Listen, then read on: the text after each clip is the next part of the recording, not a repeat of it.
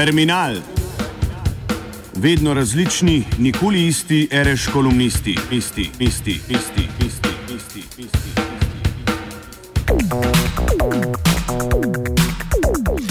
Inštalaterji in serviserji.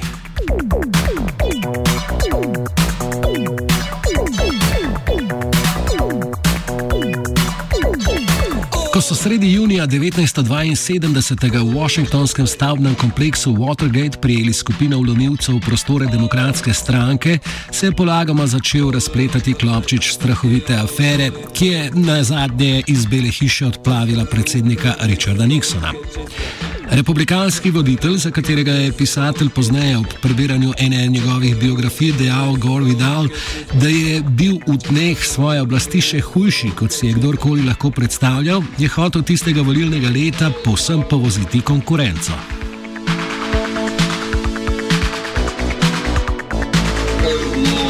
Nixon, ki je uspel molčečo večino američanov odvrniti od dinamičnega progresivizma, je bil slej ko prej ambiciozno paranoičen.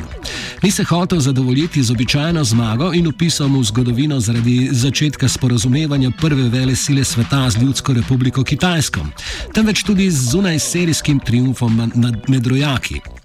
Očitno je hotel prehiteti Franklina Roosevelta, ki je leta 1936 zmagal v vseh zvezdnih državah, razen v Vermontu in Mainu, ter Lendana Johnsona, čigar prizadevanja, da bi New Deal nadgradil z Great Society, so američani novembra 1964 pozdravili z najvišjim odstotkom glasov za elektorje enega kandidata na katerih koli predsedniških volitvah. Nixon je potem zares uspel prepričljivo poraziti tekmece. Zmaga je v vseh zvezdnih državah, razen v Massachusettsu in okraju Kolumbija, med elektori pa ga je zapustil še en republikanac, ki je oddal glas za kandidata tretje, to je libertarne stranke.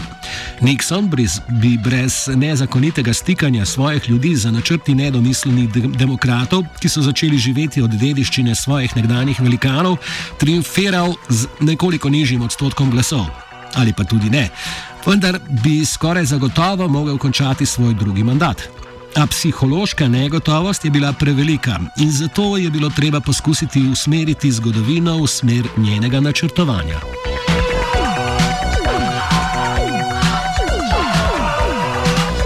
Nixonovi možje, ki so za Belo hišo upravljali posle celo onstran temno-sive cone polzakonitosti, so nosili vzdevek inštalaterji.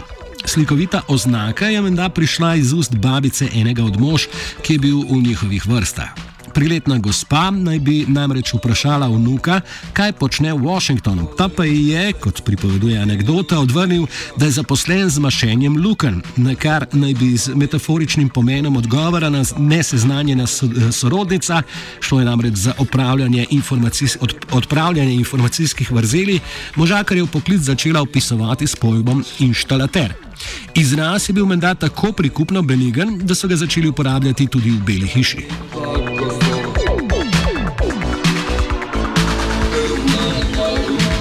Operativci, ki so se potili za Nixonove najpomembnejše podpornike pri prizadevanjih za vnovično izvolitev, so bili za svoje napore več kot solidno plačani. Če ne bi bili prijeti pri inštalaterskih podvigih, bi bili brščas brez skrbi do konca življenja. Seveda je bilo pokvarjeno, ker so počeli, a kdo lahko v zadnjem pol stoletja vlada nedolžen. Se so se že prej podobnih operacij lotevali ne samo odiozni tirani, temveč tudi z izpolnjevanjem splošne volje prezaposleni prijatelji ljudstva. Vladati se komaj da brezmadežno. Prav sledi denarja, ki so ga prijeli inštalaterji za svoje nečedna opravila, pa so tudi omogočile razkrinkanje njihovih šefov. Pošteni poslovni odnosi so v Lumparijah vsekakor zmeraj usodni.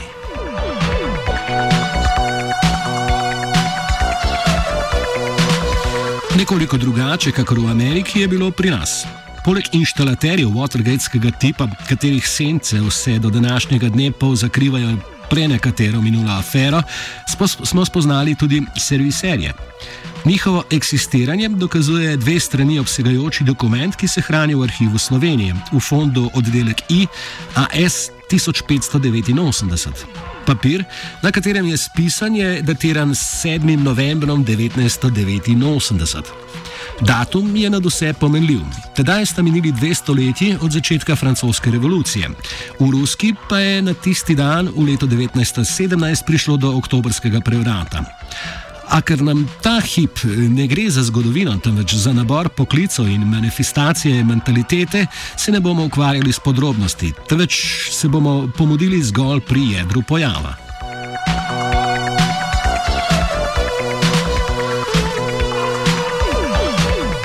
Arhivirani dokument, o katerem teče beseda, je nastal kot zapisnik seje deseterice, ki je pripadala eni od tedaj obstoječih političnih organizacij.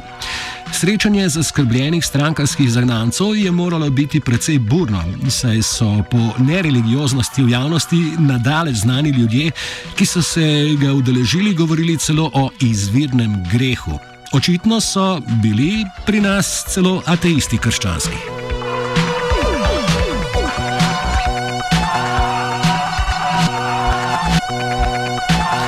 Čeprav je že to odkritje nad vse zanimivo, je še bolj uznemirljiva zahteva sestanka 7. novembra 1989.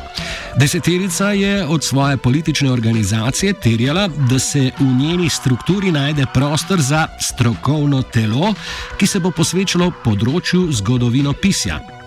To je utemeljevala s potrebo strokovnega servisa v okviru strankarske mašinerije, za katere usodo je udeležence sestanka skrbelo, da bo ostala nepopolna.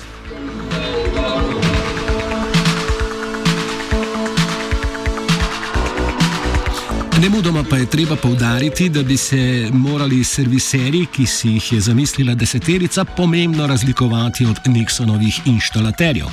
Udeleženci sestanka z dne 7. novembra 1989 namreč niso bili preveč srečni, da je zgodovina postala tržno blago. Iz arhiviranega zapisnika se da sklepati, da so bili do tega pojava hudo kritični, čeprav dokument glede tega ni posebej jasen.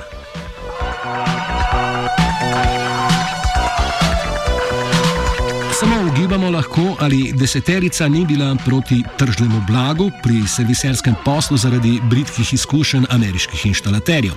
Kajti, če ne bi bilo denarja, bi ti ne puščali sledov in vsi bi potem lahko vsi samo ugibali, od koga so dobili izdajalske ničle za drugimi ciframi na bankovcih.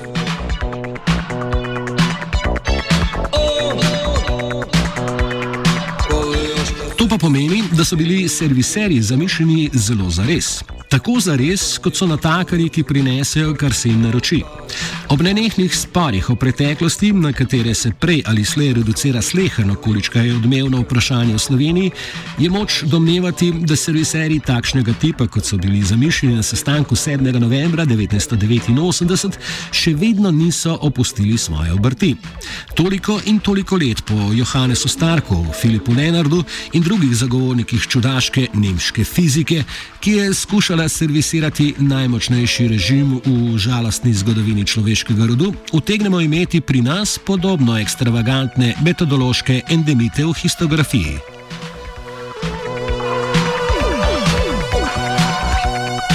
Terminal je pripravil Igor Gardina.